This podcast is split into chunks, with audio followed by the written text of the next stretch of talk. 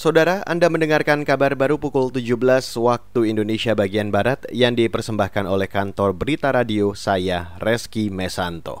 Indonesia Corruption Watch atau ICW menilai pemerintah tak mengindahkan berbagai catatan dari masyarakat terkait program Kartu Prakerja. Peneliti ICW Siti Juliantari menilai belum ada evaluasi dan perbaikan dari pemerintah terkait program Kartu Prakerja.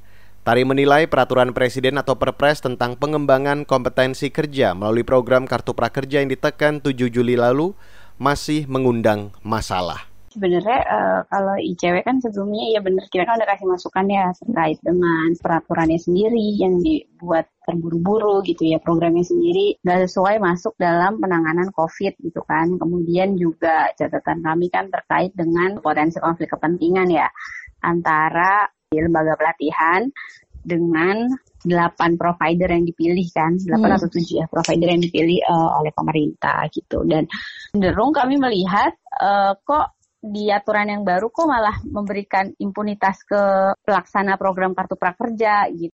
Peneliti CW Siti Juliantari mengaku sudah mengadukan proses dugaan maladministrasi program Kartu Prakerja ke Ombudsman RI. Namun hingga kini belum ada kelanjutan terkait laporan itu. ICW juga mendesak pemerintah terbuka dengan hasil evaluasi program Kartu Prakerja. Akhir pekan lalu pemerintah membuka pendaftaran Kartu Prakerja gelombang 4. Kali ini pendaftaran diperuntukkan bagi 800 ribu peserta. Pembukaan sempat tertunda lantaran ada perbaikan. Beralih ke informasi selanjutnya, Kementerian Kelautan dan Perikanan atau KKP akan kembali menggelontorkan dana untuk mempercepat pemulihan ekonomi nasional imbas pandemi COVID-19.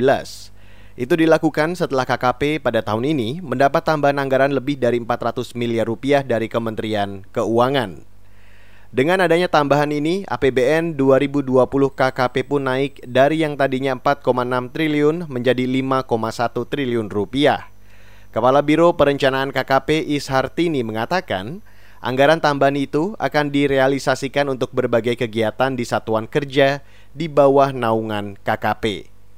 Sebelumnya, KKP juga telah mengubah fokus anggaran 2020 sebesar 371 miliar rupiah.